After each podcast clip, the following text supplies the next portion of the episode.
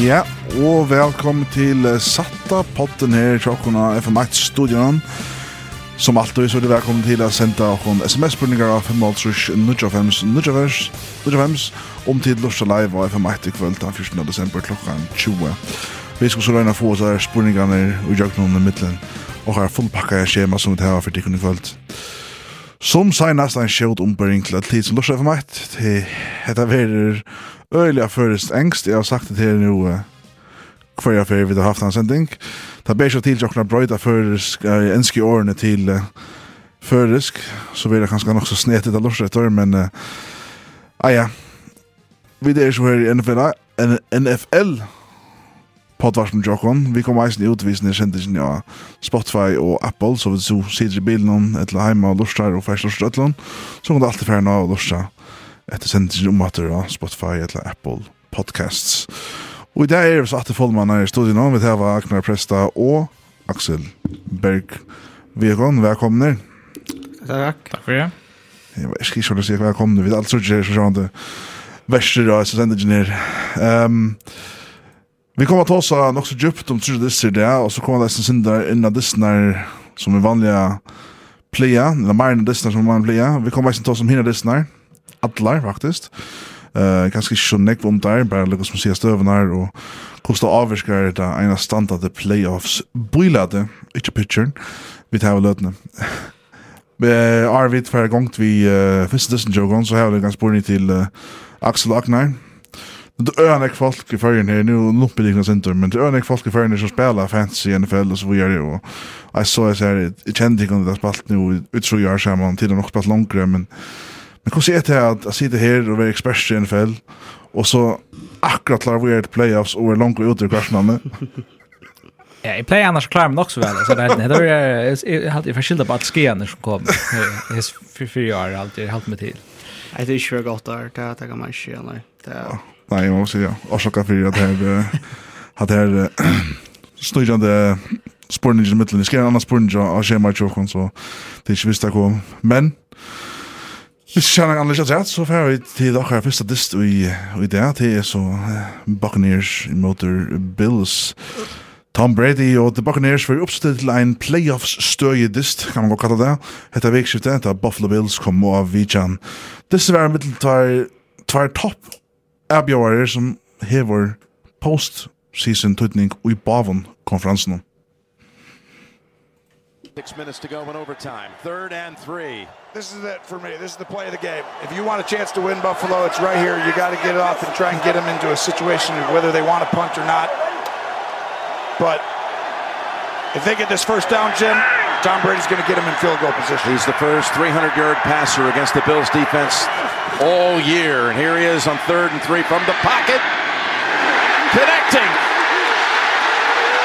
That's Perriman taking it all the way for the win. The first time he had been targeted the entire game. Bills byrja og ikkje henda dissen særlig vel, pent sagt. Ta var atta fyrir 3-3 av et halvlegs, Antje Virskaje og Josh Allen tar av ståra var under sera ståren truste og klarer illa a kompleta helten av sum passes av fyrsta halvleg. Men her møte fanga av Josh Allen og, Bill, og The Bills eld i 17 halvleget, og klarer ja distan til 22-22 og koma i overtime mot Super Bowl-vinnaren fra Tampa Bay.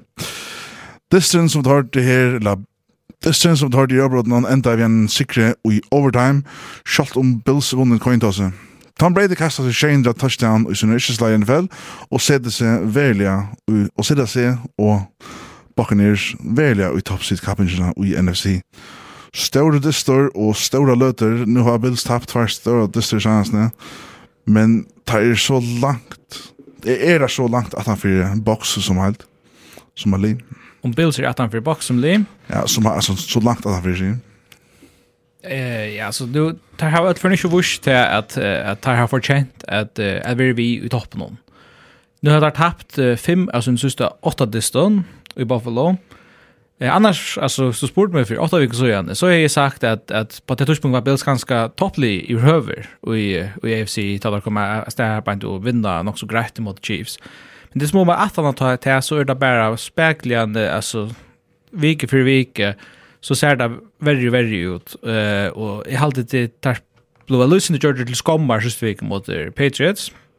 Då alltså till Patriots vinner det närmast att han kastar bulten Ehm um, och tog överraskat överraskat han mer än jag att man kommer ut till en sån dist och leder eh, Tampa Bay Bucks komma fram om för ju tror jag man inte hittar ut vi mer intens man ska nästan vänta det omvänt att här kommer ut alltså Bills kommer ut vi vi full power ja?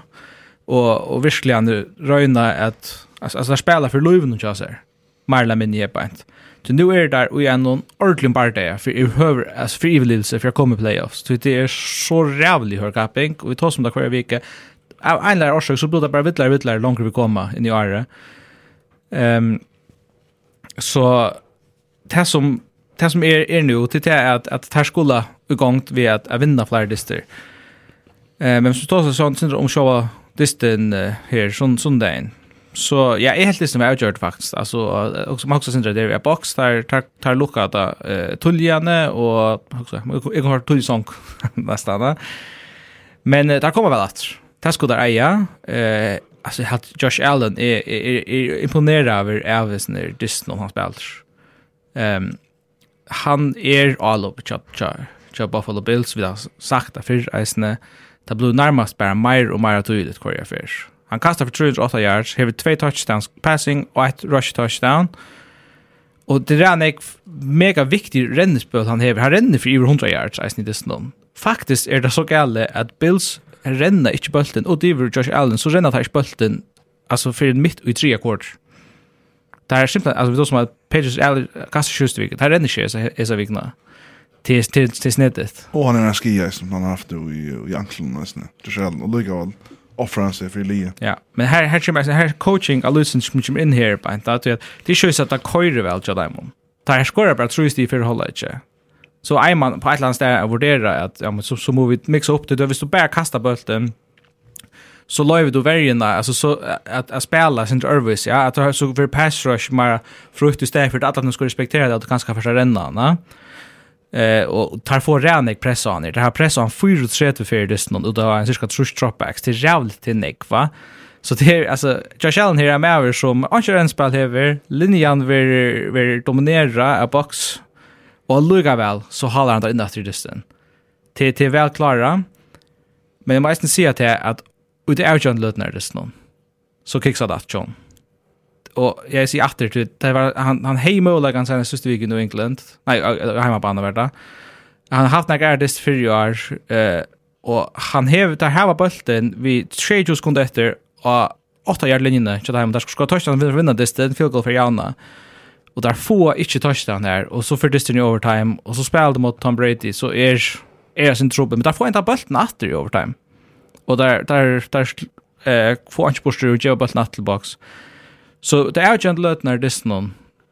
Så det flott at de kommer etter her, men, men der får ikke det som det, er det enda leie enn for jeg vinner. Mangler i ferien, Galinen kanskje, og kanskje mer ut ned, men... Ja, altså... Men, men det som Axel säger alltså det blir jo nok snakket, altså, det är ikke nok snakket, det blir bara Josh Allen, altså, och Och ta han så inte eh Jared Hinchen rätt så så kostar det öliga dorst. Eh, men jag alltid att jag alltid ösn att att maten tar komma allt dysten på visar att att har han några dikter. Ehm Och så kan man så spela sig om kvittar sig outrata. Där har Mulligan outrata. Anders sparkar field goal men den åter har faktiskt spelten i overtime men får skölda. Några bort skjort. Ehm Men alltså så man kan nästan vända det in och spela queer tempo vi kan issue för gel och spännande så tapp jag just egentligen ska bli va. Eh i halt att alla budget den alltså så jag inte välja namn men alla budget för sent jag sen jag.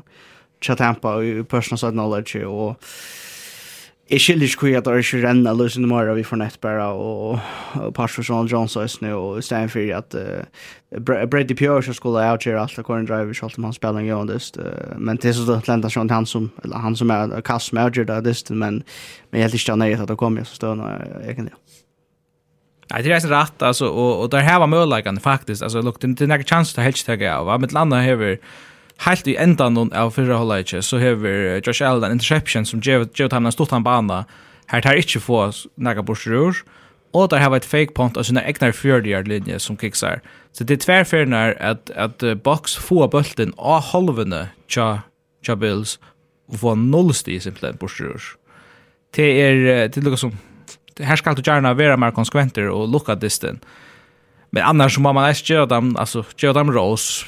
Alltså sälja att är Tom Brady han han spelar en gång till sterbent. Det är det det släpper man kör lot om alltså han häver flyr han tar go out here this no han häver häver några go job cost ehm skölta mest av det gym stort.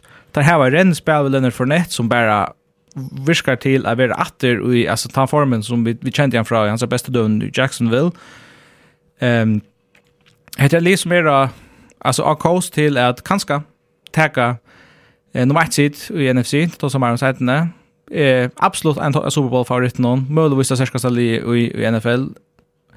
Och Tom Brady cruisar spekligande tattare tattare på Ablo MVP som 44 år gammal. Det är så vilt att, alltså i halten man missar en eller annan alltså sansen för hur så fantastisk Chris Marin är. Alltså här är ungen som näkran du har tagit på spalt och i hans här alltså. Alltså hans här resumé som som alltså quarterback är så våldsamt att är 100 procent säker på att han för aldrig bli matcha under knöron. Och han får fortsätta han blev vi han blev vi vi. Och vi det är inte för att säga skulle lunch han henne fortsätta det dit. Är helt att han var liver. Ta han spalt ta han får för Patriots. Bill Belichick helt han var liver. En av de klokast mannen i över och i fotboll hemma någon. Var säker på han var färna.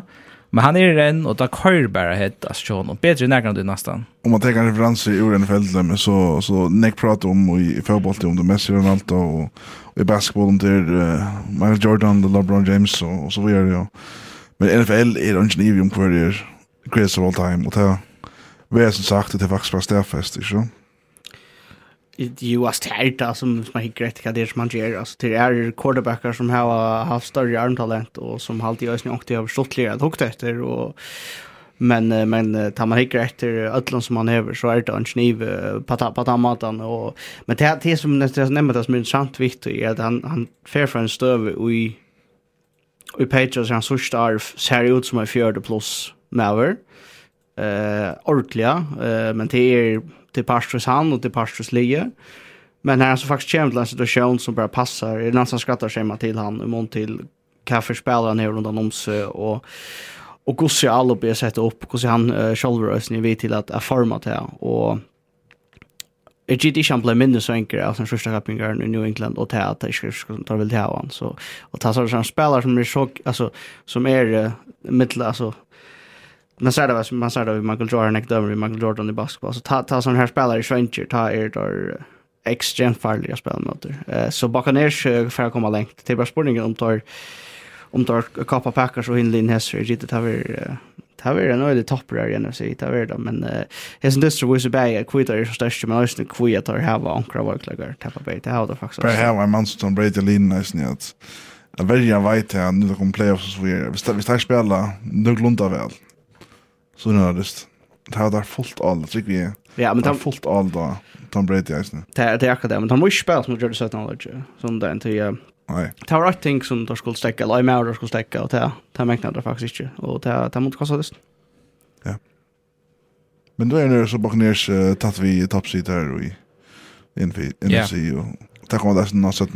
Men Chris hon fortsätter att spela i, i, i Buffalo. Alltså som sagt, har tapp fem av de sista åtta distan. Um, ja. Och chanser för att komma play och han är bara minne och minne. Då är själva där där lite en faktiskt eh, akkurat innanför det. Men där jauner vi Colts, Browns, Bengals och Broncos om att de sista till två sista platserna. Kan skulle vi vänta att att att, att, att där kom in?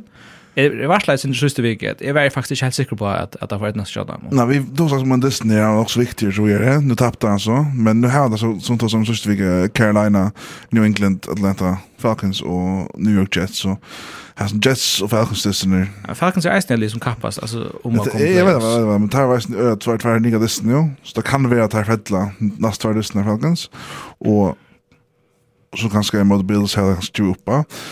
Så det kan godt være en god faktor til, til Bills, men, men Pan, Panther-resisteren er et bra, så jeg måste vinne til ham til at, til at hvis jeg vinner Carolina-listen, så er ikke alltid på spillet mot New England. Hvis jeg taper Carolina, så skulle jeg vinne rest. Ja, så det er nok et eller annet sted at det er noe som vinner trutja dem neste fyrir det nå. Ja. Altså, minimum til. Det trikk vi er at två av his her uh, fem linjer gjerra. Så det trikk vi, hvis man skal komme på det, så skal man nok vanta til. Det har inte känt att sidan nu Wildcard, inte? Jo, jo, saman vi, Alltså, altså, det har lukket ikke win, Alltså, samma record som Colts, Browns, Bengals och Broncos, Och Steelers är er beint 18-4, Och så Raiders och Dolphins, va? Eh, til nekvli, alltså så ser jag att de kraus ner kanske vinner rest eller eller inte alltså till till det nog så sannolikt eller vinner tror jag måste få ram. Det stått till om om Bill tapp nästa vecka så det det är just lite mer spännande. Jag vant inte kört här på hemma mot Carolina. Det då är det så ju. Öl det så ju. Ja. Presentor och här då så av uh, Bills och, och Box vi kommer nog att ta som där att man då ta som ta som uh, wildcard pitcher så vi är det bara liksom.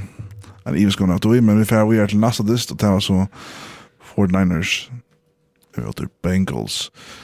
Uh, Hesen distren uh, var mittlen ett AFC-li som verla bergist om at lara de playoffs og ett NFC-li som eisne kappas om ett wildcard plus. Uh, Bengals koma av en større tap i vik 13 mot Chargers. Her tar defense fikk 41 stig mot seg, for 4 ærefer og i fyra viker. For Niners tapte eisen en viktig andist i siste viker mot divisions rivalen i Seattle. Arndt han disten hadde vunnet 30 distre på slea, og nå vil jeg der komme opp av retta kaos atter. Garoppolo flips it to the near side, and this is to the goal line. He's going to be marked out at the one.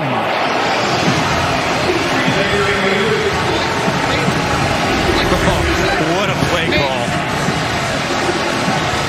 And uh, he launches. I, I don't know. I can't see from that angle. This one might be able to tell it. Oh boy, I, They're taking a look at it. After review, it is a touchdown. game is over. En ein dyster som fyrir i overtime i vik fyrstan. Om det hunds og omkostning mistet Bengals gjør til dysten, bæren dysten, er han altså et rakkon at han høver hatt en chans å vinna dysten i dag. Chase misser en 13-12 ved conversion som nok er vei et touchdown i fyrsta lagja. Tvei rævlig pons for beina skjå San Francisco touchesti og et taunting penalty som gjør til 49ers sa field goal til et simpelt touchdown. 26 til 49ers i fyrsta lagja. Men ein som Josh Allen og Bills gjør det, gjør det Bengals et flott, flott comeback. Dessen enda i overtime her Bengals skorer et field goal i første possession i overtime. Men Kittle kom på nå få bolten helt frem i red zone. Her Brandon Ayuk gjør et sera flott arbeids touchdown for å vinne distan som du hørte i jobbrått noen. For 9-6-20, Bengals uh, 3-20. Nå åkte jeg nekva disse distan her, og det som er bedt Altså, det fanget i en som er det å være hvordan helt annet standan det gav George Kittle er leverer det någon. Jag vet jag ska gå ner. Men kan en spelare som han, nu vet vi han var skatt i början och kom åter. Kan han vara så några sia fyra till Fortnite League? Ja. Alltså Ja, och han han är han är ganska mycket favorit tight end där. Han han är så alltså man kan alltid kasta till han nästan. Eh och han är alltså en han är en klass av blockar alltså han han ger sig 120 kvar för han inne lika mycket som då renna bollen och kasta tar jag inte en så vill jag en inte lite quarterback tar jag va ehm tar så ut som det så nok spännande å dra den på positionen men de blir ha skier her. så her tar her som så inte kan säga elite eh talent här så fyrir att att han ska att Laos ska köra som Mark George Kittle spelar väl nästan. Schalt om Debo Samuel ganska vet den den bästa Alves-spelaren Shamak som när det kittlar sen vet han som gjort. Så man man han spelar väl för att så kunna vinna till dem sån här dyster och och ta köpt en chans att vinna det sen utan han eh utan han akra men eh, helt saklig uh, catch som gjorde ja, han, han er så hamrande frisker och är nästan uh, omöjlig match matcha upp i. Men, uh, men att det är att det är som leter hit i det men det är ganska det här som händer nu att det tar sån här på spel. Alltså, Bengals visste att det är som Disney var väldigt viktig och uh, tar spela sin religion så att nå like men uh, det är bara snack uh, och och att det är alltså att NFC eh uh, liksom kappa som har kommit i playoffs NFC vinner liksom kappa som har kommit i playoffs AFC det kanske inte när man är vanta vant Arn så att det är väldigt Cincinnati just men men annars alltid jag har vart snacka och ting så Ja, um, och Cincinnati, hvis jeg hadde vunnet den dessen, så tar jeg lige uh, fremst divisjonen på en At han var at uh, Ravens tappa mot Browns. Ehm um, ja. så tar Ira seg nok nekanek om at det ikke finner hentet disten vi, uh, men um, det er ikke så helt overkjent i vers. I alle disten at, at 49ers tar, uh, tar vinna, tar fast det og gjør i, i, i overtime. Um, det er sin at det er sin der tar byrja reallig til Bengals. Alltså tar hava kat katt toppstøen blod 26, och tar, alltså inte ena för men tvär för det någon hadde han mått på hant. Alltså simpelthen, alltså det här mest det alltså då pontar åter, det enda som ska göra till att lofta bulten om. Så är det då. Här man simpelthen missar han ut till motståndaren.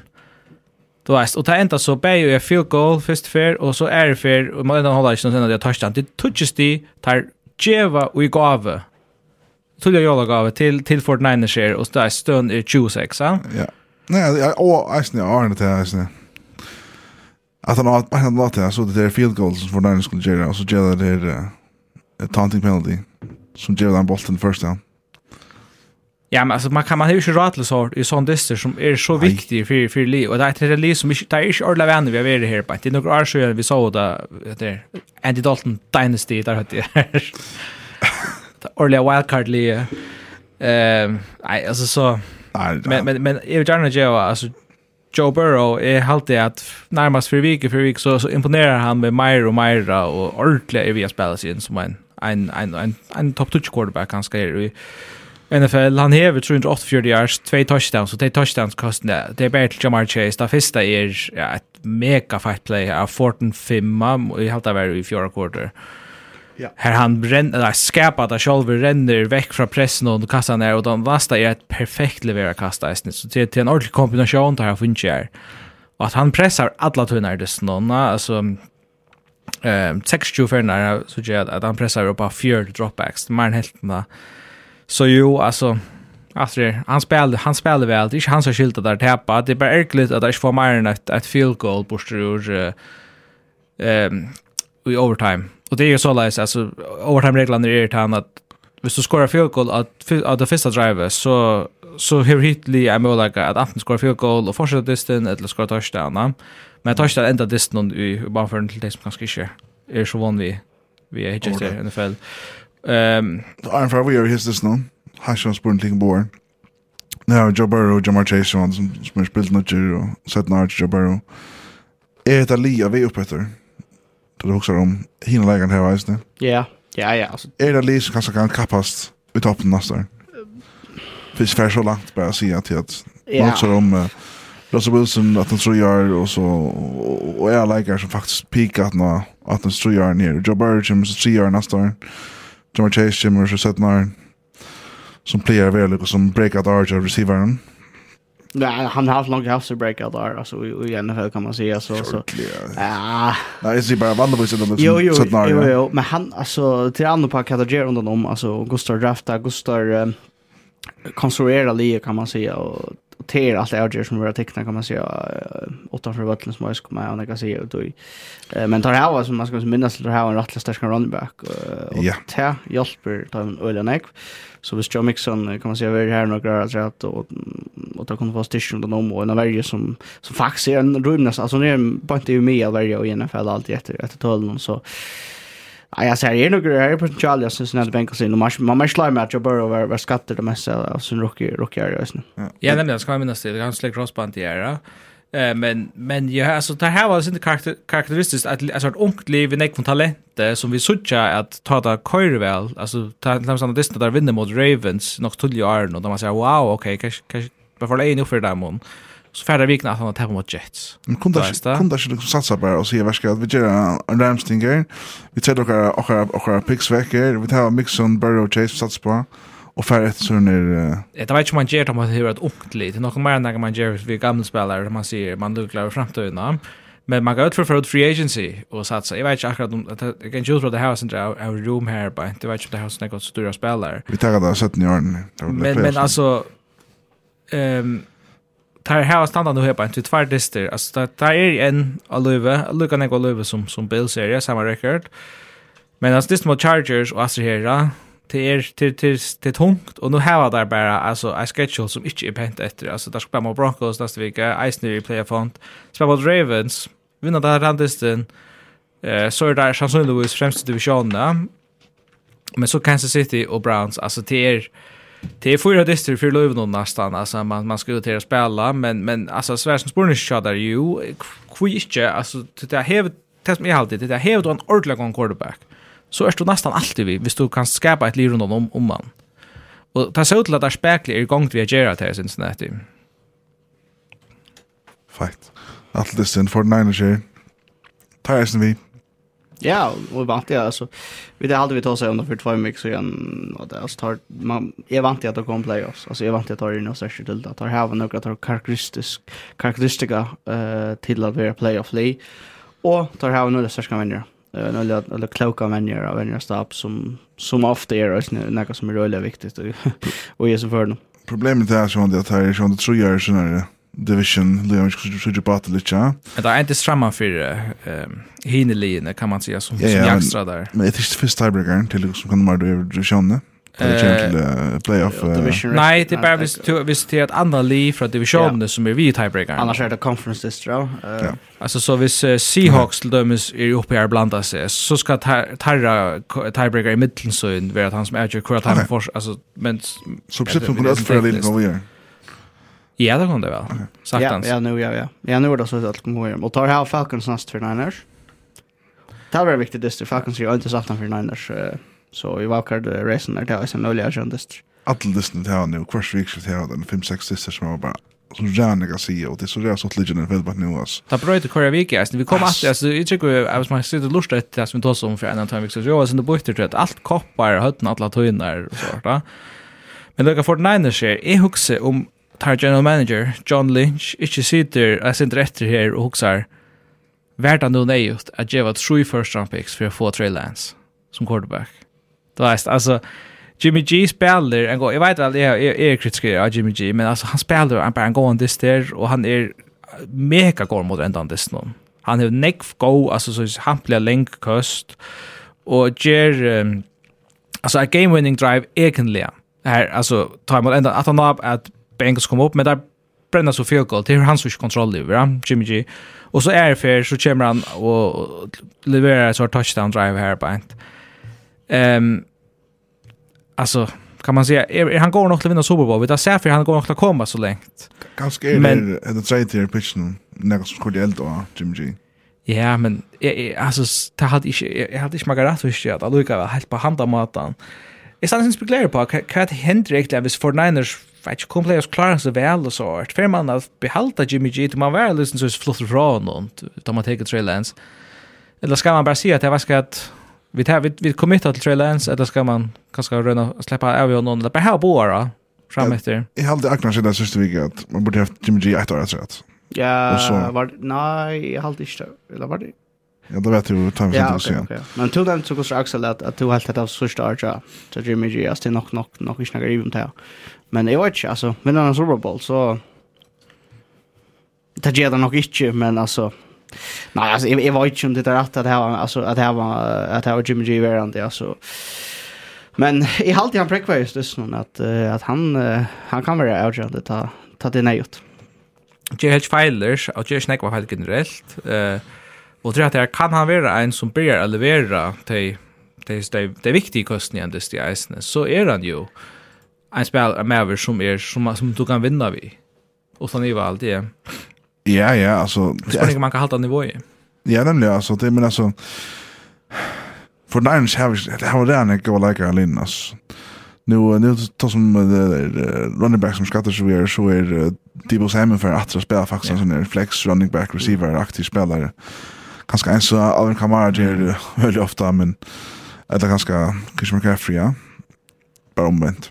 Ja, han är han är en en, en ordentlig playmaker. Alltså i NFL och Brandon Ayuk så är det snut att att bara bli bättre och bättre och George Kittle är en av de bästa tight ends här. Så kan man inte glömma att Kyle Shanahan eisen är en mega kreativ, uh, goer offensiv playcaller. Tjata hem här var. konservativ. Nej, det är nämligen inte. Han är för han har haft en mankel på det. Uh, han har Super Bowls. Uh, han är väl coach och är bänt men ikke Jag vet inte där. Og så hadde jeg bare at Nick Bosa är en stjärna av en spelare. Altså han ikke, jag han han har touch för press och Jim G inklusive där Alexander Sack nei nej Burrow.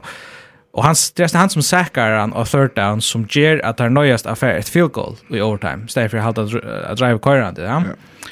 Tar spalt sen Han är en öde agent. Ja, och han stöter. Ja, og og han med møta så onkur Niner fan her jo onkur som som fyller vi her og som Johan skop på med at tar ikke samme college og og at Nick Bosa liksom med utas som han gjorde listen ega på sjøen han det sentalt som som du ser meg så at han han var listen ega han. Eh og hvis vi fortsetter, altså, jeg kan lukke til som en Niners-fan, når man skriver, han lukker som... SMS som kom inn, eller? Ja, han har en av de tall som uh, sampartopper akkurat kallingar i Jari, helt vi Niners, han... Uh, han han säger till att som på rätt som vi nog har sagt det att at Niners åkte vinna skolt om du har Jimmy Garoppolo og ikke tog du har Jimmy Garoppolo. Og at han faktisk, men han kastar faktisk ikke touchdown ikke ikke interception, good reception och det er det det är så går så plus när åtta vägen men men tar sakna Raheem Mostert fra Brian Kaffingar nå, han er vi vekknas alt der, og tar hava for några skier eh tar tar allt for några skier varje i fjør, men nu lukar som tar spelaren som Nick Bosa og de spelar så Så har han en chans. Och i har det som du också, i allting på sig, är den bästa världsspelaren. Mer han är, han är bättre än Bodjan Sargos för det. Borde haft en topp 5 perser så här. Ja, det kommer vi ganska färre. Det kommer så jämt. Jag tar er superbollas. Supervikne. Nej, det var. Ja, han är gott att komma ut då. Ja, det var så en, en, et sms som kom inn. Ja. Det velkommen å sende sända sms reisen inn og fem år så nu hems, nu drar hem. Och vi har nok sängar San Francisco for Niners-fan. Det er nok stått litt, altså. Det er, hvis ikke det er listan her, så er det et for det var nummer, nummer 6 av oss när två till in vi sitter den første kvepparen, og så tar halta vi når Niners til det satt flest kväppar sammen vi Det är lugna några som Cowboys og Steelers ja. så. er det topp 5 Uh, mest uh... Ja, Packers er nummer 8 vi har 21. Uh, Patriots på 18 så Seahawks i sig til nok nog fra fra tøynet at det var eller Gernick Bear kanskje hitcha ta det boom. då jo men där med den större större ja. Og så kommer Steelers Cowboys og, og Niners i tall, og så er det nødt til opp ned til Lickens Mandler Giants. Och jag kan säga vi gjør det där det var inte at, att ja för åtta där det sinter, det var minst från Necknar så jag då gjør det. När nu Neckflower og jeg synes jeg och sen jag til å hava til, till till referenser och och kanske vi kunde så vita sen det bättre vi skulle vi skulle hålla falken vi för en halv fjärpar som hon nog då. Men har sett anker fjärpar onkel Lee som i nästa vecka går för. Om ja jag kom in ganska till nog sen folk som står att som där så vi er, man alltid avtala kan man kan ta så om bara bara så lite här som det kan vara mest om och inte som alls er nye 20 minutter og der. Etter så vil vi alle sendelserna skriva så på Facebook. Yes. Endelig, ja. Og vi pjøs ikke å si at det ikke aldri har bygd om det, hvis det er kommet inn til. Men det er bare for å få sin nummer av krydder ja. Det er folk kan skrive imisk sjønarhold som hitja. Ja, ja. Men for Niners vinner så av Bengals 6-23. Og vi kommer sin playoff og så videre det alt. Atter, man løter ikke. Det er ordentligt alltså faktiskt är det sträva inte att playa fish man nu till det allt kan hända alltid så där man hit this någon och så man blir förvirrad över det man vet inte kommer ut så alltid när ja jag har nog servat och jag finns nog så vi i alla fall så där Jag glömmer bara långt att till här skulle så det kommer läsna ta som alltid. Ja, vi får alltså till några tre listor som faktiskt så syns det som vi kommer helt djupt när för jag alla lyssnar så var det. Vik förstan, eh uh, han är så Rams versus Cardinals. Uh, så til Game of the Week. Top rack i NFC West. Cardinals i møter Rams. Fyrir år var uh, Arizona Cardinals fyrir Arizona Cardinals orsaka med til Los Angeles og vunnet Rams utan naga stovreis troblegar. Rams var nøyt til å svære atre nått og vinna distin. Om der skulle ha nekka mulega å fanga Cardinals atur og i divisjonene. Nummer 1-2 i NFC West med dere neron. It does require force, though. I, I get the elbow leading, but uh, that's very subjective with that forcible contact. So you don't love it. On first down and 10, Stafford loads up for the deep shot. Running ahead of everyone is Van Jefferson. Touchdown. 52 yards for the score.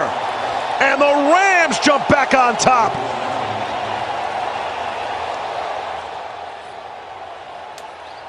Kvos Rams skulle vinna distan Vernaga on next set the on distan. Uh, Jen Ramsey og Tyler Hickberg var bare ute vid posten, kom ut nydjan testan, og tvær starting offensive linemen var reisen ute.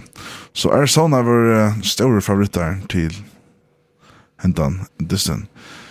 Men for fyrsta planen til det senaste disnon visste Aaron Donald og resten av Los Angeles Rams at han enn er en heavyweight ui NFC. Her var som angla tuttninga mikla leikare klara du Rams av sigur, to er han meira nok regnelt a sia at Cardinals funna vei at heva disson. Eller Rams eier sjåan kredit for siren, Matthew Staffers og hans offensive våpen spalte vel, men høveskunden til Ørsredi enda i Høveskunden til Ørsli det som enda vi en tredje ved Trujo sier til Rams var større missøkene til Arizona. Større større og Cardinals klarer ikke å levere stønda der Gjørst og Hjaltvar. Hva hendte jo hesen distan som alt? Ja, altså... Eh, Ongen er okkon hever, selv om Cardinals har livet nummer 1 alt år i, i, i, NFC, så har vi nok alle vært sånn så, ah, trykker vi et veldig på at det er. Kyle Murray er en unge quarterback och sånt, og man... Eh, Særda Lutzender her, her koma nekker feiler ut i stånd. Uh, Han kastar en interception av goal line, simpelthen, i, i, i, första kvarter, Och till til øyla tjeile tar man är i en scoring position. Um, men uh, ja, for meg halte jeg lukka var sånn at det er distant. Det er ikke jo, alltså, Cardinals gjør en feiler, och där her var eh as ena för när red zone efter där uh, turnover on that turnover on downs att ha fått 14 4 så drog ner ganska så inte paniskt så då som det där att han för ehm men men if you may so on inte det att Rams tar vi Matt Stafford spelar väl som han ger här på så här i natt så så kunde att här kapast vi ötlen. NFL på en annan måte. Och då när man var inne i ösen att, att han kanske inte är han är gosse svårst än han är ganska värre till som bara gå till till er nog nog inte till nog eller fars mer till men men är är han börjar gosse präcka till att att till en quarterback som tar du kanske kan ställa på oss allt så länge.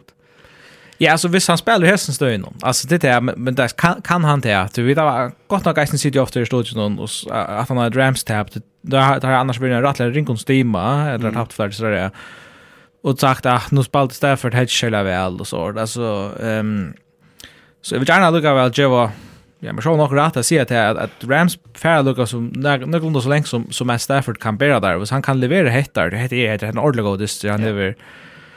23 40 yards, 3 touchdowns och det är något som det go touchdown kost. Länk eh just jub jub bultar som han som han levererar perfekt. Eh Jason Agra failet är någon Och så hävrar han bara mega god receiver om sig. Alltså att Odell Beckham så ordentligt ut till att att han han är han är vi efter på en annan måta. Alltså han är han är en tant som vi kanske hoppa i på att han får avera i i Cleveland. Ehm um, men att det ganska mer system här som som jag kickar han och inte han kan som är för Jag vet inte men men alltså Cooper Cup är Anchen du spalt bättre än han gör som wide receiver. Det tar vi det som har använt fancy i allt för. Mm. Ja, 13 catches under 3 yards och ett touchdown alltså i en topptust det är det blir snäck det blir snäck bättre så. Ja. Och och som du säger alltså Beckham alltså han börjar komma in i så rytmen alltså eh och det kan också sticka vara att han är loft av för touchdowns i Rams en en Beckham Mayfield till kasta touchdown så igen han får det det var också vittlista sticker så också men han är gosse kanske han vet vad att att han kör in i gottlig en go quarterback han så kan han alltså han han häver alltså i vart man ska säga naturliga det är han i Östermar han är inte alltså han är han är en receiver som som var kadanger och inte bara en som kanske larmar bara utanför. Ja ja, jag just det det där och alltså kan man säga kan man ta man levererar det mot mot Cardinals så är det ju tror jag man, man kan också då. Eh och där ger det så åt av Eisne Jalen Ramsey som som säger alltså som är den möjligtvis bäst cornerback i NFL och Ramsey är det så top heavy leader vill jag hänga som kött spelaren. Eh Men också vägna så rikat det lugga väl att att, att lucka Cardinals ni Jag ganska syns skuffar över att att de Andrew Hopkins inte är bättre än det han är. Ja. Alltså och jag är och han har resten också outjand drop här. Vi nämnde den där turnover on down fort down. Han faktiskt räcker Hopkins i hänt när han missar han och och det i red zone som och där missar så bulten att Ehm, um, hörde mer AJ Green som ganska eh track steppar sin drop här på och Eh, men alltså ja, ska ska man säga om om, om Cardinals i färsche alltså jag hade schmat det är en katastrof helt rätt här på mot Rams liksom är stash helt där men uh, tar vill tar vill jag för allt i världen Jan on onvera att missa det här nummer 6 det här där egentligen just nu eh nu lite där jag när vi backar så box om att det är ölla chele chat time on det hur ni kan säga. Men men akkurat vi Hopkins alltså är det kanske så också alltså han är en en server som alltså spelar som alltid känd för han spelar alltid han är onkande ute men nu är han så väldigt ute kan jag tror jag fotla dyster och vi nu tycker gus ut gus en dyster är det några vi vi rytm med Jera ganska det att och ta kallar mer så sån just nu ute att det orkla sig inte att de är det något som är seriöst det nu kanske Ikke, altså et eller så sånn smaskjære som ganska lite och og plava sin drein, men, men egentligen allt är året her, det er vara vært produktivt är i forhold till vad vi er vi har suttet från honom jag lägger hela linjen makt sidan nu inte nu jag har missat Packers ja. Men men, men Kyle Murray alltså så intressant i hans statline alltså han kastar 300 och 340 yards den tror jag alltså men inte touchdown. Och det är alltså jag hade kanske inte touchdown mot 200 receptions kanske passa. Kan vara ut. Jo, alltså Jo, jo, alltså det tar redan tvärför in vid, vid James Conner. Ja, men alltså... Ja, alltså han... han uh, Han är så och och det Eve ser vi kallar Murray Gus alltså Gus stäsker alltså quarterbacker han är runt runt kastmässigt ja alltså tekniskt sån alltså han, han kan klara kasta för för en rejäl cent topp alltså men han han kastar så inte rejält han bollen det går så jäkla det snär det snår ner men uh, men uh, jag glömmer jag så tjänar en playoff just det vi ser det på den maten alltså ja är det då styr det rätt att jag att han har för det momentum och kommer forma åter så han är akkurat som så och och ta sig att finna stiman att nu har haft spalt vi Erik är quarterbacken lunch och har han helt annan spel så vill runden bollen mer så vi är nu Kyle Murray åter nu är det mer upp i åter och och han får nog en extra över bollen men men ska inte jobba på linjen så här alltså rymla harst ganska mer Rams som har ta stärka Wilson nu och så sans för this nu tog som att det kan vara som top city i NFC West Uh, Rams have Seahawks, Vikings, Ravens, 49ers. Her mot Cardinals have så Lions, Colts, Cowboys och Seahawks. Är det alltså... Rams have nog nekta særska uh, ringara schedule. Här det här som var Ravens, som eisen kappa som kommer playoffs. Kan man godt sige nu, det er ikke sikra i prøveren. Som du säger, Jan er 60% han skal gå i playoffs. Da sier du, ja. Ravens, ja. Ravens, ja. Og så Vikings 16 som er sånn her, uh, her wildcard-racen yeah. uh, vi flyer on the league. Fort Niners, og nästa distan her, der er størst Seattle Lee faktisk, Så at her er kommet, så går han formen nu, så går han stima. Så Rams har et tight schedule til å gå opp mot døren, og, og Rams skal passe eis til å komme i playoffs. Det er kanskje er bedre fyrir enn andre, men altså, hvis jeg tapper, tror jeg det er sånn distan er som hjelper til, Alt kan tappa under ötlen nå i NFL uppenbart. Og, og, og jeg halte bare Cardinals fra stedet vi toppsitt her i, i, i NFC West. Ja, altså, et, så, altså Rams er uh, faktisk eitest 18 for Cardinals, men det er like han tvær. Cardinals har tiebreaker mot dem. Um, men uh, Rams har nok vi hesten section så har där trick chiches är alltså nummer 5 city och så play ut för en playoff plus så nu är där trick chiches till framme för att det är kapplöp av att att Leon att han för sig Ehm men Cardinals, som säger lån nummer 1, har de tryck nummer 1. Brottliga så er det som sagt Jan ved Packers og Box, och faktiskt bara en dist at han fikk Cowboys, som där spiller mot kött. Cowboys vinner han disten, och vinner ut, så tar fram för alltså fram för Cardinals. Det sier vi är inte längt väg. Alltså tar tar en dist från jeg ligger nummer 4, knappt. Och er nok annet. Men sier man. Ja, missa hemma det och så ska du kanskje spela i mot Rams och i uh, wildcard runt nu. stedet för å sitte heim och kvilla där och ha en match et eller att skola möta vet uh, Washington fotballteam eller en i en playoff-test, ja. Det är det är man, man, man er sin rom etter, men uh, det er väl altså, det är ikke, det är ikke tekn helt på, på veikleika, att man, att man så nødvendigvis det betyr at Rams er jeg litt at de performer vel, så vita vi att de kan kappast vi ødlån i NFL. Spårningen är bara klar, de har detta stöd, ja. Jeg vil ikke si om Kyler Murray, jeg snitt at um, han är egentligen quarterback. Her, vi kan ikke se en luknande quarterback som han, og da mener jeg han är så, han så laver.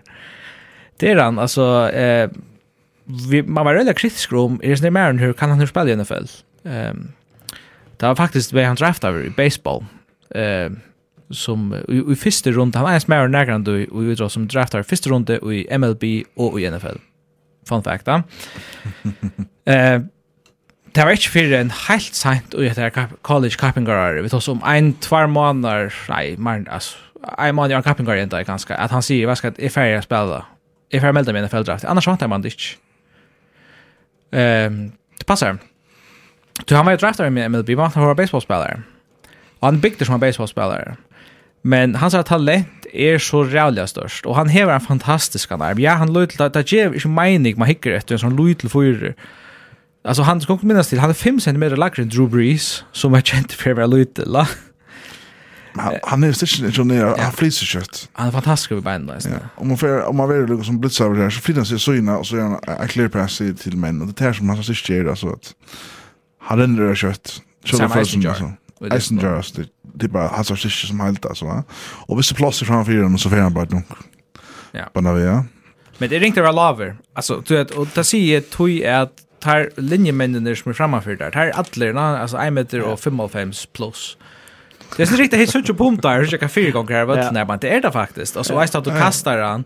Jag började inte till alltså att det är en grund till att scouts inte som är alltså att match traditionella scouts är sin kritiska om det Kyle Murray eh, projektet och det blir rätt spännande att se Gustav för ettnast i playoff ta i ja. omstående är sin Örvus och särskilt hvis han ska upp och spela eh, och i Green Bay till dömes och i Carlton väckre eller ett eller Men akkurat som quarterback som Gael Murray så har jag ganska tesar som Russell Wilson som har Drew Brees ganska till, till som har kört man med helt annan typ men tar här liksom lagt vägen för klar så att det det det har min sälja vi Russell Wilson men Austin Drew Brees tror att det vi röda som skeptisk om alltså kan du spela alltså hur stöj tar du tar du så lavar så det hade nämligen också en chanting men han är er, vemmeliga kvik, kallar Murray. Alltså det är halten sitter hitcha som så NFL som och och det alltid att kallar Murray så plain John kommer det ofta stottla sitt åt man liksom, man kvar från Blomman alltså nästan Eros ska gå så kvik där ner, gå slatt han kan sitta spelare och men han då kastar nu nu var i Halterberg är på stadion i om gosse gott han då alltså det jag har alltid sagt att vi måste sätta den halt halt större löten när vi kommer vi kommer döma det. Ja, ja, en av var först förresten när man kommer i playoffs. Alltså man kan sitta och höra och kritisera för en unker, han är ikke han är ikke størst nægge men en av är reist först för tja krona. så det blir väl till, alltså. Ja. Vi ska skriva at det här på ett kvöld, som kontent helt där. Nu var jag ikke säga det, nu så var det sosial medier, tja, kvart måste ha där aftan, det var et sideline liksom kamera och han har men trots så svär ja och ta liksom att han har ett player fria touchdown till AJ Green som du kanske har sagt Eh, men jag lagt från honom. Och så säger han liksom och kameran ner vid kameran ner och, och tar Instagram. Här här sitter faktiskt här hickar och hickar ner i där iPad just där och så här liksom kasta. Så säger han I can't believe I missed him. Mm. Så jag liksom Och det kan säga att man måste vara till att kasta där så frukt touchdowna. Lem så här kastar dem, det skulle alltid sitta. Och fem nu jag touch för näs. Och mista hästen där som jag ska säga. Så ja. Men spännande värre vi, vi Cardinals faktiskt. Foklund gör såna. Vad här uh, Asdelsen? Ja. ja, alltså, i halta då. Ska vi ta runt nå? Ja, Rams 30 och Cardinals uh, 3 och uh, 20. Så får jag lägga så hinna lyssna här Axel och Aknar. Falcons, Panthers, 20 Falcons, 21 Panthers. Ja, Falcons hade jag luvat. Det är öle viktigt skiva så kommer vinna Niners Racing så där så där faktiskt så där faktiskt ordentligt här. Här det kan bli för blå spännande stäm tema man inte väntar för några veckor sedan. Ja, bara för att uh, se sig efter så är som det har sagt att det Falcons är 6 och 6 som är som fem andra liga i ju i i NFC. Så här är ju om det högsta platsen. Ja, Saints, Falcons, Eagles, Vikings och Washington. Ja, och. Alltså en platsen. Ja. Annars tror jag nog att Cam Newton han han blev bonkar bench this this non för PJ Walker. En en en affär. Vars nu i Miami, men yeah. I'm back. I'm benched. Ja, efter a bunch någon. Nej då. Till eh kan man jag vet inte alltså jag vet inte om det är och dubbelt att säga att alltså att är kallar det att det var är var inte kritisk om vad det är Cam Newton projektet att det blir jag. Det har det, det har det, det, det har vi, ja, kan man säga, det, det är präkva att vara, yeah. vara kritisk grund. Det, och, och är helt ösning, alltså, det har sett löjigt, det gör det. Men det hade kommit ganska tacka att ta kaffingar löjigt, vi ska jag skrivit oss större soppman av VM för den nästa förra åren. Så det är den nästa diskussionen är det alltså Vikings Steelers, för jag spår på Facebook annars om Steelers, jag vet inte, jag kan försöka fram. eh men Vikings, Devin Cook som rattar och han knusar Steelers här. Ja, men... Uh, Men, men hvis man sa det så lägger man mest till att eh att Ben Barosberg för Urlstölden så att han lade och, och började faktiskt hiva några öliga bultar. Han, han sa faktiskt näck ut och han sa statline ser faktiskt inte gal gärna till Han är en, alltid en öle gång så att han lade. Precis det samma vi såg i Systervik mot Ravens. Ja. Här där konkurrerar lite och så mot ända ändan så, så, helt så är det den gamla Ben efter. Ja? Mm. Men Dalvin Cook. 205 yards. Ja. Alltså är inte vill är inte vill möta som mannen i playoffs att det var. Fancy. Ja, just det. Men men minus landa och han kommer bollen det alltså. Eh han och han nu Justin Jefferson alltså vi ser vi ser han kan vi ser quarterbacken kan ge Cook kockbolten och kan kasta Jefferson så så är jag syns nog så jag syns nog stiga tallna men men Cousins är går alltså Cousins är nervig att kasta distan faktiskt men han han ger det han spelar väl det första tre quarters det gör ja alltså nu säger det Ben Olsen kom åter här men alltså. Ja. Det det nutional Vikings har liksom också är det vann den. Och så tar kommer åter rotställen alltså. Jag kan känna kritik för det skit jag att faktiskt alltså. Jo jo, men vi har det är kritisabelt det är det att det är distan är lever på det touchpunkt där och att Kirk Cousins tvär interceptions för kort tiskott. Det är simpelt inte gott i en dist här det enda du ska göra för att för att lucka distan till att vara vid jag fel. Ja. Ja, alltså så och så Steelers ända ju vi att häva bulten. Eh vi har vi angår tog efter att tölja den i Vikings. Alltså de har vi gott nog när var mer alltså det det ju här på det där precis det samma med Lions. His free kick side alltså. Just Steelers halt där Lars Lucen driver in i för att landa när bröderna gjort det. Och Vikings har tappat näck vad det styr så slut. Ja. Näck vad stora distress. Det går lätt att vara Nudge sex nu alltså, hvis det er snabbt tatt det snart. Ja, jag syns god for Adam, och jag synes Jørgen Arias, ikke til jeg føler at, at her burde ha vært bedre, og dette var en absolutt must-win district av Taimon. Mm. Tar er enn vi, heter tapt her, så heter vi rævlig at her, herfra. Så da er vinner, jeg sier snart skulle vinna, og tar er enn vi. Jeg trykker vi på at jeg, jeg damer vel i kjød dem, faktisk. Det må jeg bare si, særlig offensivt. Ja, og jeg snill stil og sier, jeg stil enn vi hinner, men nå er det kanskje snill at han for hinner. Hvis jeg vil nå det snill, så det sier Så där vi det är tillplayers på nu alltid på Ja, där er har Tiebreaker alltså sen här vi är som drar ut här. Ja. Vi gärna är någon som till det är bättre än ett, ett tapp. Men uh, det var anker som sporde upp om, om Rottelsberger eller Stövna. Det var en Lockberg alltid. Som... Nej, kan inte det. Ah, hans sida Facebook-gruppen är kvärt vantat i det Steelers. Ja. För att jag vill den och tjasa nästa. Ben Atler Jevas, ikke har han så indikerat det som er halvgån. Det som er också så stått litt vidt, hvis man lyckas ska komme noe annet, så var det at for tvei måneder siden, så går Steelers spännande nu kontrakt och det helt är totalt tablet. Alltså orsaka men det var det var idiotiskt. Alltid till han man man helt också alltså det går en 2 år 8 miljoner dollar kontrakt. Där finns så restrukturera han här på the off season till där Jag tycker att det här är inte att han spalt gör, men han vill inte färra, han vill inte skävas. Alltså där standa fast vid honom. Han nöjts där kors vid honom nere på ett år. Eh, för jag kunde andra höra var sin tydligt att Ben han, han färren. Eh, han er ikke går nok til at nekar tror på at det er prosjekt. Jo, kanskje han kan halta det inn i playoffs, men så, så helt ikke langer. Nei. Da kiksar jeg eisen i fjør, at Alltså kan yeah, yeah. vi ska gå playoffs. Nej men se till till absolut loft each other man. Ja. Ja. Steelers skulle alltså ta till annars sen gå till en stark organisation annars och Mike Tomlin är alltså han är undervärderad coach. Alltså haft en losing record. Ja, det är sjukt. Det är pura vilt. Alltså och och han han vill vänja 16 Kappengar 15 15 där 16. Vi det här då ja. Helt leader Steelers. Visst också tar en annan quarterback. Och i ett NFL och sätter han Stafford Ben Big Ben. Ja. Lever neck jo. Och läs ut det. Ja, inte inte bara onkran annan men det här är neck mycket själva går men men jag jag vill sagt jo alltså men vi ser ja. Jo, jo, är sant det. Alltså, jag har lägger respekt för Jag tycker vi har en backup quarterbacks i NFL som heter Josh Gabbett. Alltså, jag vant inte med sig rota för, jag vant inte med sig rota för Josh Gabbett. Schalt om han inte spelar och tar så inte något annat till Lenny igen, vi gör men ja, nej, är sant. Och ta Mo här nu som quarterback nästa. Alltså, och så bara spårningen, draftat där Ryan. Ett Etla, jeg tykker ikke sånn. Men det är, alltså, jag vill säga, en Rodgers-rukne till Pittsburgh har eisen korstet sin där. Ja, ja. Eh att det var potentiellt lite hodna för till. Russell Wilson är trade marschen, Deshaun Watson är trade marschen och Jimmy G. Det är ju faktiskt också intressant så här. Ja, faktiskt. Eh tar var ett gott listil resten så defensivt. Jag hade TJ Watt, han är fantastisk. Mm. Ja. Eh allra helst defensive player of the year. Eh ett från förra på den touchpunkt och där så en um, Minka Fitzpatrick. Ja, ja han han är ice goers.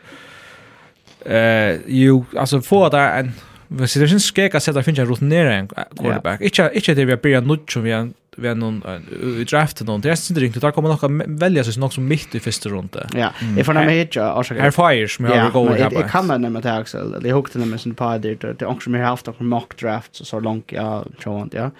Och det här är när man visst vi tar lite om till draft nummer 15 nu alltid och här har det skett en quarterback från Pittsburgh, Gonkra University of Pittsburgh, men Kenny Pickett har då sett till Pittsburgh Steelers. Han känner alltså han är 50 år senior alltså han gick ju långt i college än vanligt. Ehm då som det är sövlinja. Ska man välja en quarterback? Alltså kan man se du kan gott välja en sån men men starting quarterback nästa år kanske Kenny Pickett. Han har Det kanske vet att jag looks for Niners chair ju till att hire och ta satsa sig framåt och på en quarterback. Det tror jag Lance är på. Ta och där har Jimmy G stannat där. Det ber till men men att det alltså du ska visla det det är tre lotto kupong. Och så är det bara. Att oavsett hur skor det är. Alltså det är Luika alltså till Luika som dömer som andra lock är som man void för att vara alltså void för att gå åt oss också helt extra. Men vi så kör vi Tyler och nu vi kommer att jaga alltså vi så det hukt efter rätt så alltså Tyler Lawrence alltså.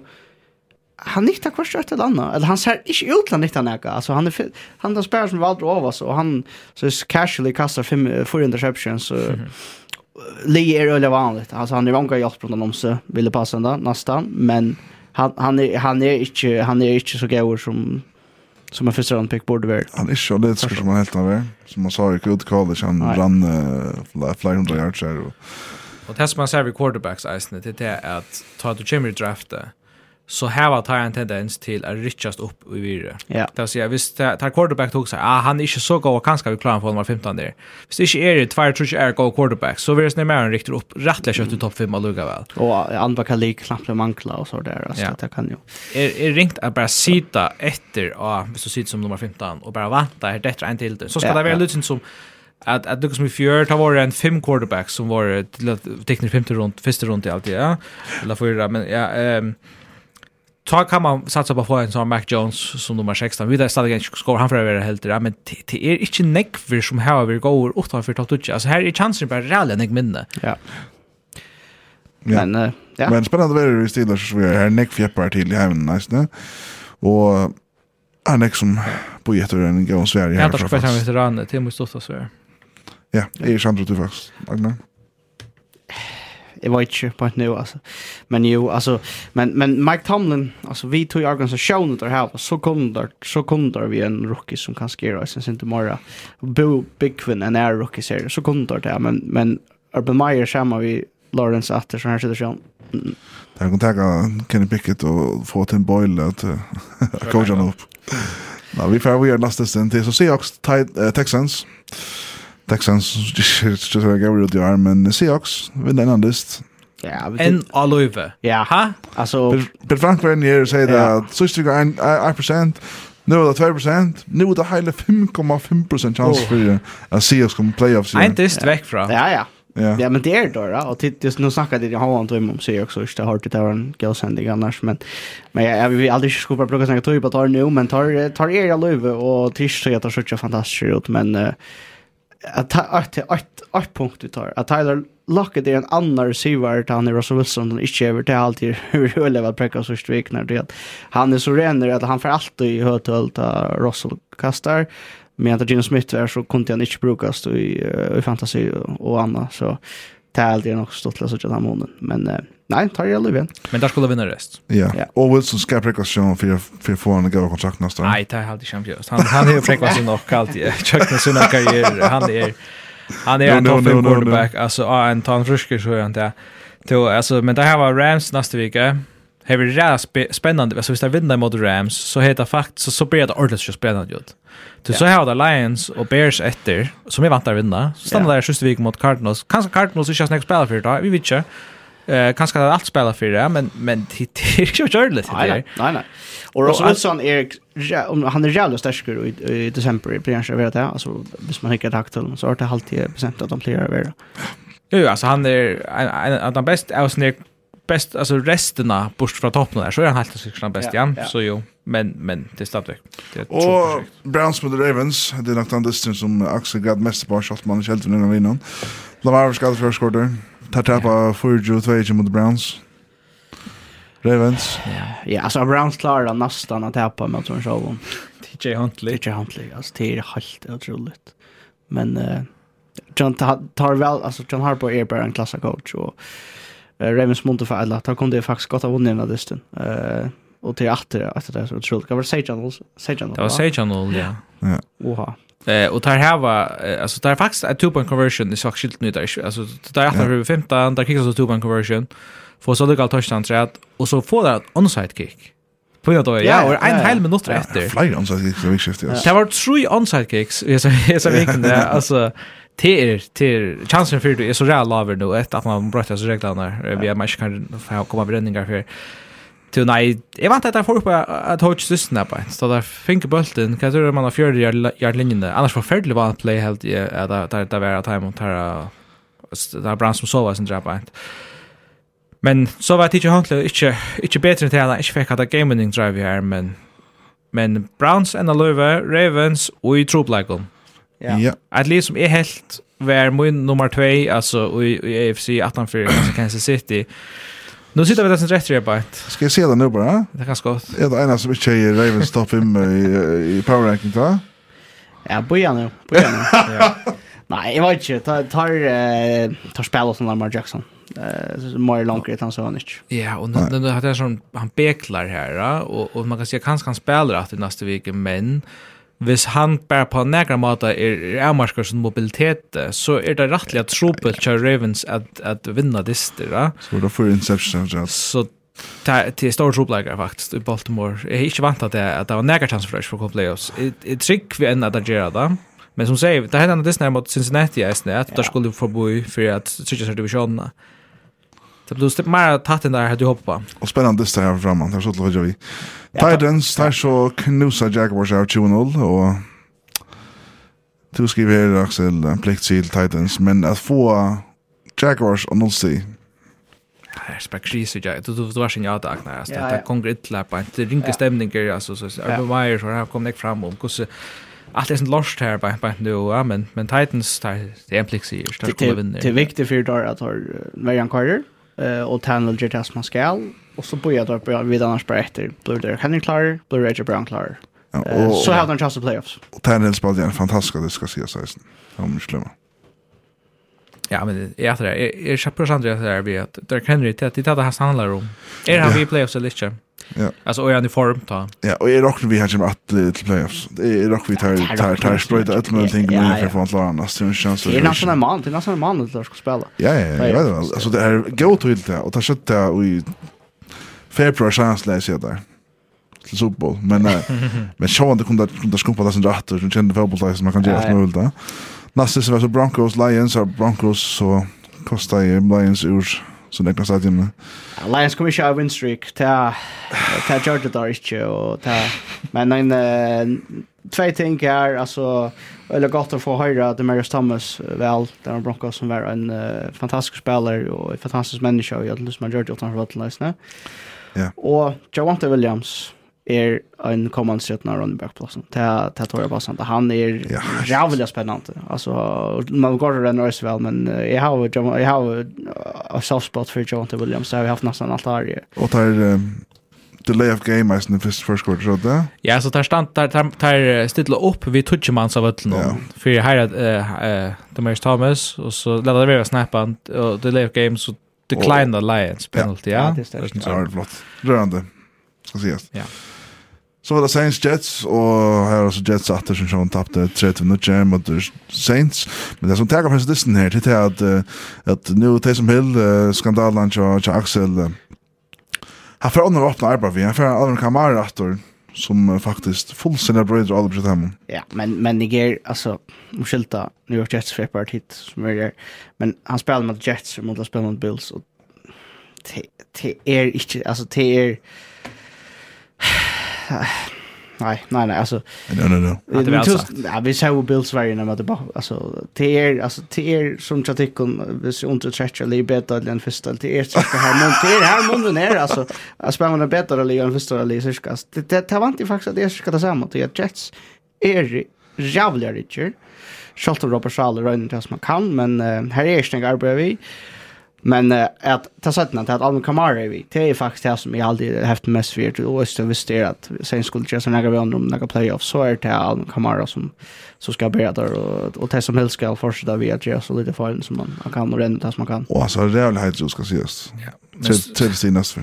Alltså Stövan är nästan inte missvisande. Det där det är bara tjejst i mitten där tar man för en fjärde quarters. Det sen är faktiskt nog tatt i rättliga lunchen. Men det som är jag fel i kastspel och med det rennespel till till fel shot där men till till är bara nog alltså jag säger att det heter jag vet väl tar är en tar en vi tar lucka nek vi som som de flesta annorlunda har på men men nej det heter här för Erika så lunch this middle quarterback. Sorry. Så the Washington Cowboys Cowboys won this mot Washington. Ja, jeg synes det är en must win kanske. Alltså tar tar lucka divisjonene, alltså spänningen här på. att annars var horen börja spekla ut att öppna till uh, till konkurrenterna att han fyra ehm då som att öppna horar isen så så kan det gott nog en gav Aston Redskins som ja.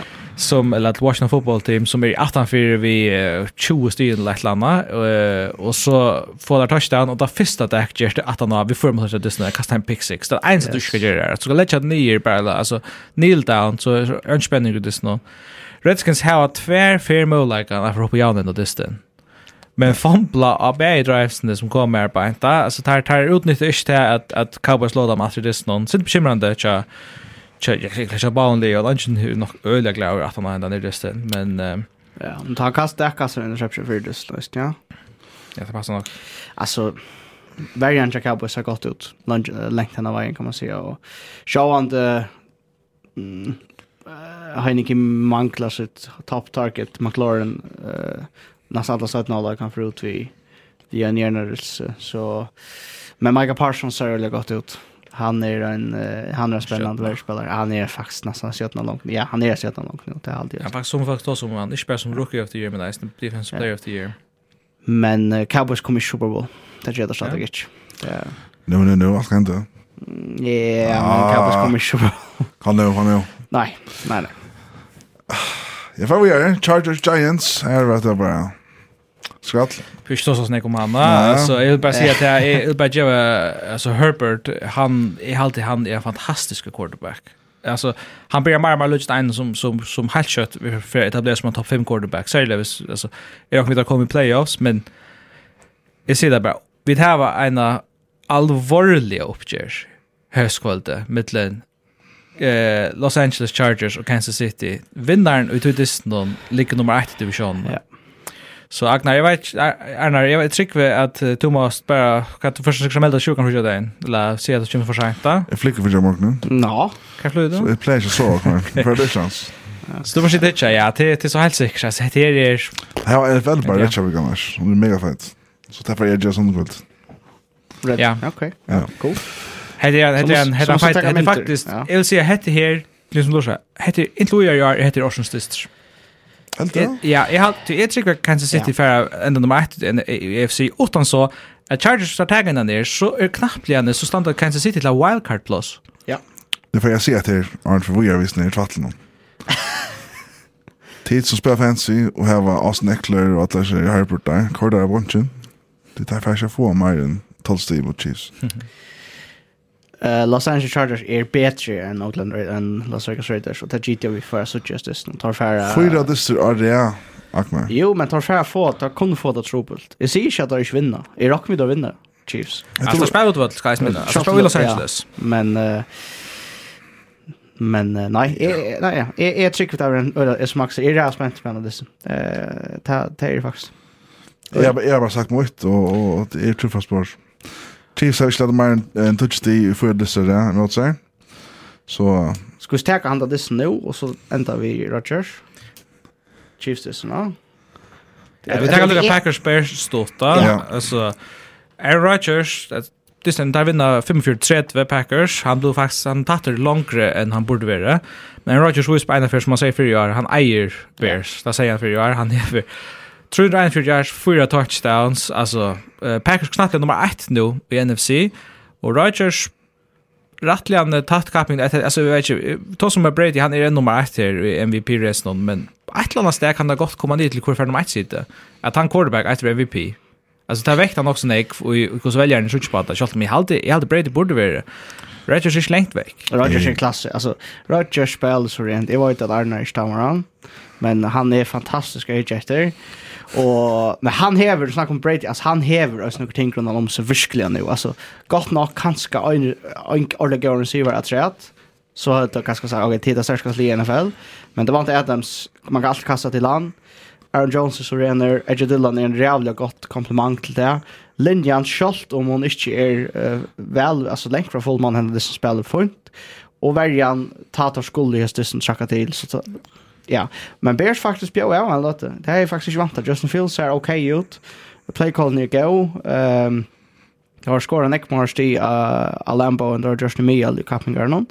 Men uh, men Rodgers har Bears och Packers tar tar vi att jag har tar nästan över halv Bears i all time wins. Det är Lins som har spalt ofta som mot mot NFL och det är särskilt tack över Farwell Rodgers och tar att ta tog Ska Ska se det att är också inte vi är Rodgers för en MVP det det han är i en time skandalen gör allt ja.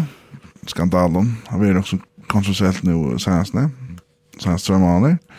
Vi vill inte snälla för då så är det skandalen. Ja, allt det där. Och Tan Gospel är nice nu. Och i MVP votes. Så är det också vi tar en för att stäva till helt snägare. Det menar att attacka dem att sitta i arbete. Så till här reisen det här reisen väckt men men men alltså Brady är är från Trondheim. Det är inte nivån där. Ja. Då vann där sen en en det utan Roger Jackson, ja. Om allt minus ett av här.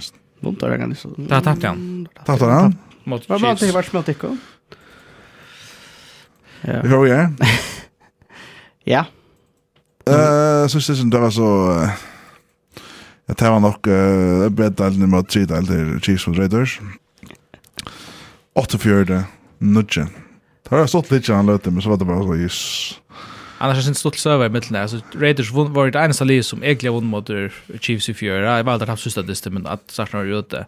Det får en victory lap runt om uh, stadion att han i Kansas City. Och ta till att det är ett lovet när ser linje att samma eh Raiders har fem turnovers i distan. Jag ska starta där ska man klara fast i spelet någon. Ja. Till men jag vill kan kan säga en spurning om om om Chiefs så ska det lucka få möjligheten att att att styr med där sin drer. Det är också att alltså allop är väl smorst just det nu. Annars kanske det mest bekymrande där sista veckan för att Tyre inte har skorat mer. Eh Chiefs är tight för nummer 8 sit i NFC. Då vi började så sent innan så sa vi att åh det kan faktiskt inte rätt illa chatta i år. Där tappt fler dister på ett på ett punkt där snä. Verjan var søvlig vanlig, og der høtte så rævlig nekva turnovers, så det var nummer 1 i NFL i turnovers. Men det er snakka som eiter turnover lock, altså man er faktisk tåsar om i, i avansering, altså det, det, er ikke helt kjemmer nøyes nere eisen, ja, kjalt om det eisen gjør. Men det, og det vita vi ødel at Chiefs verjan, om du kan, om for noen ganger var han vanligast i NFL, og at Mahomes Fisher vet han han kasta mest interceptions. Det er liksom typ totalt koppa hötte nå, eh, verjan, alltså här finns ju några goda spelare efter Chris Jones version skatter. Han han är ordla i toppform efter och knappt lene. Så så är alltså i där så så, gör han det där. Alltså har tagit 60 tror jag. Och i perioden har det haft det bästa värden i NFL. Det är 60 snär. Och inte nu om det. Jag tycker vi sätter är den bästa värden i NFL, men där är ödlan för alltså kanske ska man vänta att topp topp topp Det har vi ju sagt för om Kansas City. Mm allop är hans Ranik allit att här och mot spårningar till är alltså nu Sojan Chiefs finke Mahomes som startare Här där är alltså det bästa i AFC men här där nägra du vill bättre än där faktiskt är något nägra lite bättre för dem, där Anke størst list enn kapast mitt lam egentlig nedbeint. Altså, jeg også bare om hette ikke er Tekna det seg opp til å være en løsning av en øyla klaren vei til, til Super Bowl? Ikke det beste kapet, men altså, Det har ringt at at i allt öras ringt at at man skal se ska samarbeta generationer. Där ser man kanskje se på NFL där till 20 år sedan. Det hade inte man kanske. I fjör eller två år sedan. Ja, ja, det som kom till nu är Eh, I allt för två år sedan ta viskar bara allt. Alltså alla budget fantastiskt. Vägen var inte den bästa. Men jag lyckades klara sig väl i play och sälja. Nu har vi öliga, öliga gav vana till Jörn. Tar vi ta oss en början av kappingen så säger jag att det är jeg minns øyla vel fyrste kappen, jeg taler om, om Chiefs og så videre, og jeg sier det er vant för å vente av Det Da sier vi det ikke, og jeg visste at det bare kom gongt, og jeg skulle noen ting justerast, og det her hadde jeg gjørst. Nå her hadde nok topp 3 defense senast vikner, og en ikke, hvis ikke topp 2, og som hun sier senast sending, hvis man lust henne, så er man nok bryr av Chiefs defense inni i og kom vi i playoffs, vi fancy, men alle Oliver Bear Lucas Marmara. Ja, han säger. Jag säger massa Bear Richie Stephens. Ja. Okej. Oliver Stan Bear Lucas Eisner. Det är inte bara det är Josh Allen syndrom med att ska kasta allt innan. Det var så lärt Lars fantastiskt. Williams Lars väl. Tar uh, tar reflexa renne spel och alla och kastspel öla väl. Och ta jebba till att vanligtvis samman i varsin med med Chiefs, man lagt pressure med Holmes och man är man är vart tar kill killväl nu gav det plass til Hartman og, og Pringle og alt der. Og han kastet til nødt forskjellige menn og i stedet ned mot Raiders. Mahomes. Det tar gild for seks targets. Men han er bare menn i NFL som avvirsker distan og ganek som Tyreek Hill gjør. Det som sier, han, han, han, alle vita hva han kan. Ja. Og han gjør æra fri så selv om han ikke poppar upp på statline så är han så jävla viktig för Chiefs. Ja, ja, men han den den den den wide den djupt så tar man någon så tar man spina vi att I'm American fri där mitt i mitten som öde ofta så gör alltså det måste ett måste lära från plats upp fram fyra att han för där defense jag jag rater så svär Tyra Joshna kan nu vi att hälsa den Bible guys så gör det väljan är helt helt helt suverän alla bekör väl och tar som låda jag kan bara nu är så tjej unga mat av ett lag med Chargers Höstein. Det halvt ikke. Säg det ut här i äcklar resten i halvskats. Det är gott att vi det har det här på upp till each other. Ordentligt, alltså Charleston är de topp till Chiefs. Alltså, jag har alltid för att av varliga sorgla och ifall jag alltså någon pillbutcher så att här på höstkvällt nu nästa torsdag. Men alltså jag har alltid det att smäcker två med så alltså det första året som Holmes, han svartar tappade där stäckar av Patriots och i overtime och i Conference Championship. Och ta också i bara Arnold så okej till bättre till Patriots att ha en chans. Jag faktiskt Chiefs är bättre men det är Patriots till Brady till Belichick. Så tvåte nästa år här helt det faktiskt alltså ja Titans bjöd bjöd av i fjör okej Bills bjöd listen draw men det är inte evil med Chiefs alltid det största i AFC per ju i fjör och förra. Då kommer jag just nu i Super Bowl där ja. Och i haltet det samma i halt som som som tog gång på nu så då då särskilt så ligger AFC och jag halt inte några andra som reellt alltså vi står plöva första sitt att vi två linjer skulle lära ut att spela det är inte ofta så att det är akkurs vid Derek Henry eller akkurs bla bla bla som ordrar och där li ettla till att Bill Belichick är det perfekta alltså akkurs sån här ting. Men det tror jag så så neck alarm här till oss det svagt ja det tror jag så tjänar gali skal klara att koppa dem men visst fortsätta Men Chargers kan godt vinne dem, og så har vi det helt nærmest. Altså, jeg vil si at jeg, at jeg, ja, jeg, jeg er nok så altså, fremdrum, at jeg halte, jeg trykker ikke på Pages. Jeg trykker, jeg trykker ikke på at, at en, en rookie quarterback, vi, altså for Jared, jeg halte han for Amars her på enda. Bills alt for svingande. Titans, vi vet ikke hva hender vi Derrick Henry. Altså, jeg føler jeg synes om, og det tror jeg at det virkelig Titans er tørsen av Disney fram, at dette her på en eller annen måte er Disney om, altså, jeg tror jeg føler det heter det tve sterkast linje. Och jag tar det bästa quarterback som är i AFC bank nu. Och det tvåte kanske det bästa linjen i över. Ehm det är kanske det första eh man kan säga eh battle i eh i queer chamber Super Bowl. Där man kan ta ut från rätt störst störst ja. Alltså längt trin här by. Det det är faktiskt jag fight. Det är också att hvis du gör mer Chiefs mot Ödlern Leon i, i AFC bank nu så tar jag alltså Chiefs alltså skolt framom ett lander. Ja. Jag hoppas att at Chiefs er en så god momentum nu. Det har vært det 3 och 4 ska minnas til, altså. Det har var nog 6 distra det her, altså. Altså, det er ikke li i AFC som heter det var nu. Pages är goer och det halta kontaktas seg i løtene. Og så ganske Chargers. Men men Chargers har vært svingat senast nu. Ta vidare där nu. Ja. Ta ut. Och där spelar viktigast. Gumbiner tällan om mig snä middag sig kring pressa timen så tabba där så kappa sig mötes ner wildcard plus ner Men där så det här så rent. Cheese har mer färing och vi vant cheese vinner det annars är det knutar där alltså jag var inte något till några andra cheese också men Raiders spelar mot Ui Cleveland eh söndag natten Nei. Leierdagen. Ja, det er sånn. Leir, nei, nei, leier kvölde. Tandestyn er klokkan halvgån tutsi leier kvölde, og Patriots ja, mot Colts. Ja, det er først tutsi mer, ja, ja, sånn det. Ja, og det er ikke, det er, og det er off nu, nu, nu, nu ferdig spær ikke, nu, nu så kjøy leier, nu, nu kommer vi lukka sette på leier kvölde øysen, ja. Og, ok, Raiders, ja, Raiders Browns er ikke en sånn oha-dyster på tammann, men det er en hamrande viktig dyster. Ja, det er det gav alt. altså, tar vi oss med det var wildcard race, ja, så gjør det nek å nekva sier. Raiders tappa, Liot. Must win Jabon, Liot, faktisk. Ja, særlig Raiders. Raiders. Ja, ja, Raiders för nu ska vi vinner. Men men Jack Browns är en katastrof av så ska vinna vill det mätt.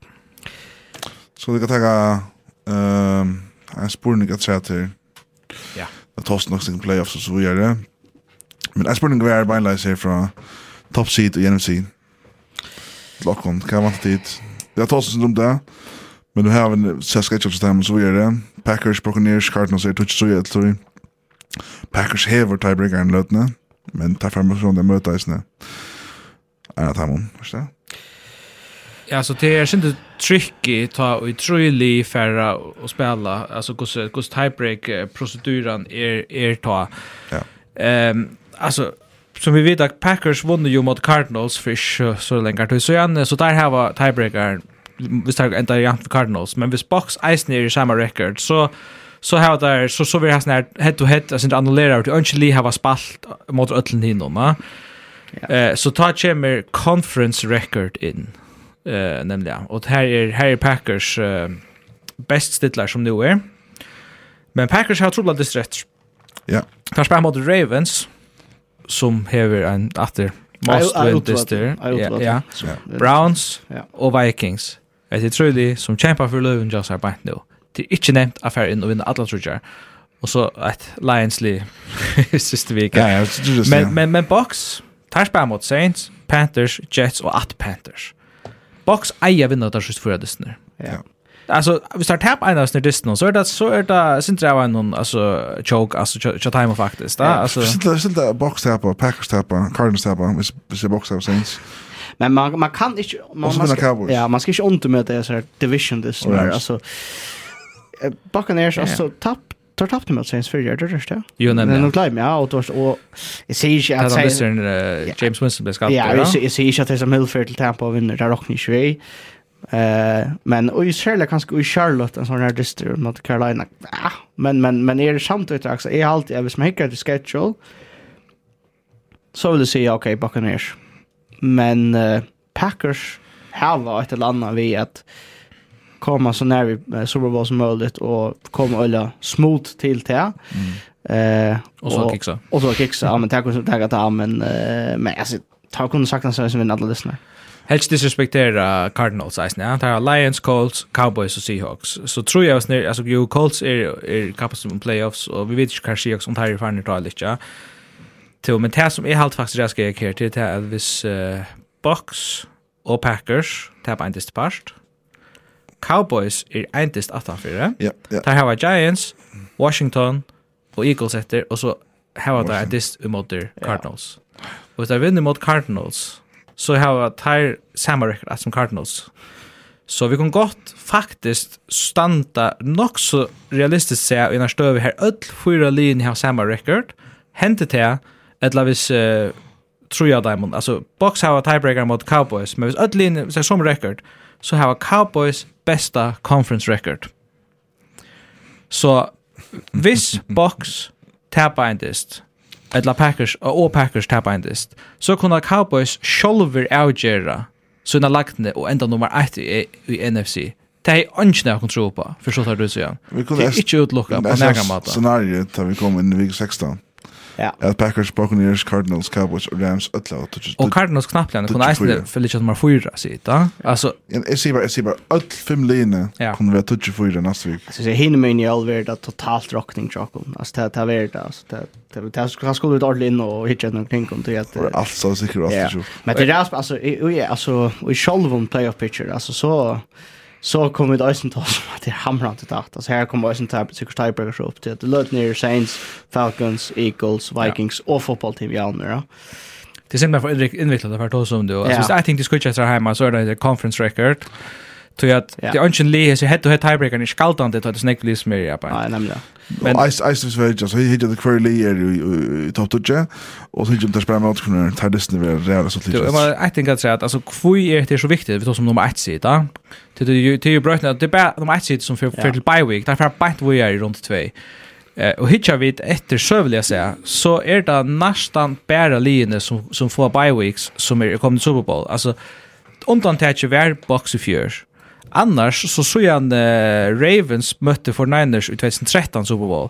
Så här var öll linje som spalte i Abbein var li som var uh, topp 2 seeds som hade bye week. Vi vet inte om det är kost därför avskan nu ta i, ta i nummer 2 men men till att se bara kost kost neck för det så att du har en en playoff this minne. Du spelade vid runt 2 och hemma hemmavölle.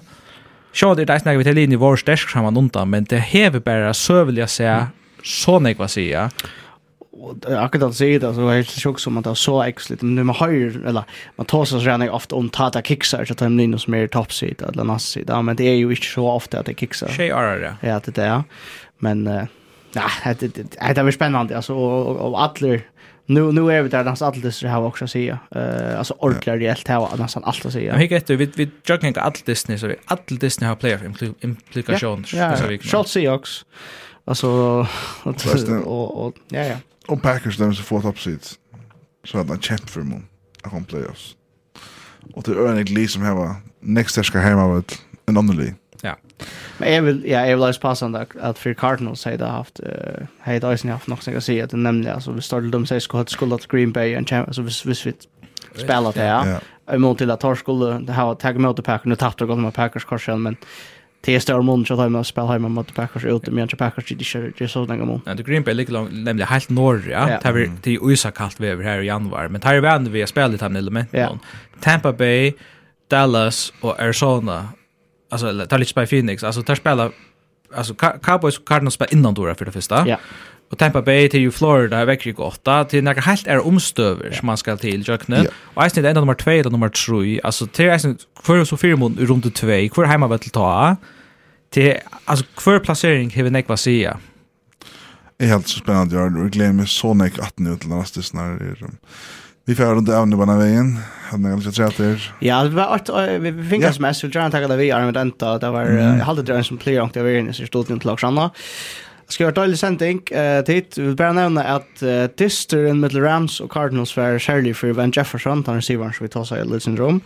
Eh han som uh, Van Jefferson sa all rutla finch chucken bot ett skian till uh, Cooks så är så att uh, Pape Chavan Jefferson han är wide receiver coach till Cardinals alltså det som spelar möter. Så han uh, han helt att han ganska också stort han har åt och och och Johan Jefferson har ofta en mest längt touchdown som vi har det i Obroden där. Ehm och så nämner han Östen han spelar kommer inte passar att Andrew Whitworth issue eh och just det som den äldste starting left tackle när och Ted Jerty han faktiskt checka det alltså han är 40 år Andrew Whitworth han spelar lunch i Bengals så så kör nu Rams.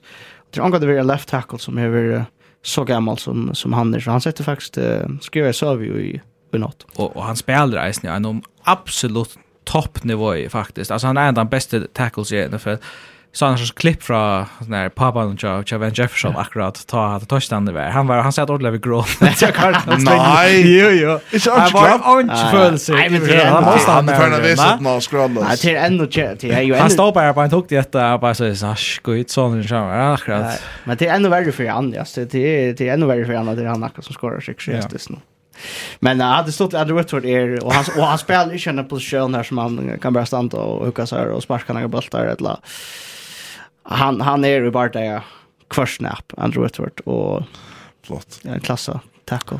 Ja, vi tar så som man säger. Två det kod nya tester positiva till Rams. Två av heads tackles. Så han är som det är. Nå, alltså Andrew Whitworth startar allt. Ja, ja, alltså Andrew Whitworth är en av de bästa left tackles i NFL. Han är han har mega högt betalda kontrakt. Han är han är en toppspelare. Och han fjörd, det, det är så vilt faktiskt. Alltså man kan ta sån ek om Brady Eisner. Det är faktiskt rätt imponerande. Vi har Andrew Whitworth. Typer som han och Jason Peters. Tar ju just nu. Men ja, hette oss av så Safer. Ja. Takk for det, vi Takk for det som lurste, lurste av. Og som hvis det kommer for sent, sender jeg som alt ferdig Spotify, eller annet podcast. Sender jeg etter NFL Potvarsp. En för förra poddvars på Eh vi var så ensens her resten jag mig där inte tutje om kveld, no om kväll där. Första morgonen 8 og leier den klockan 12. Varsågod Arnar Logberg, Axelberg og Agnar Presta. Takk för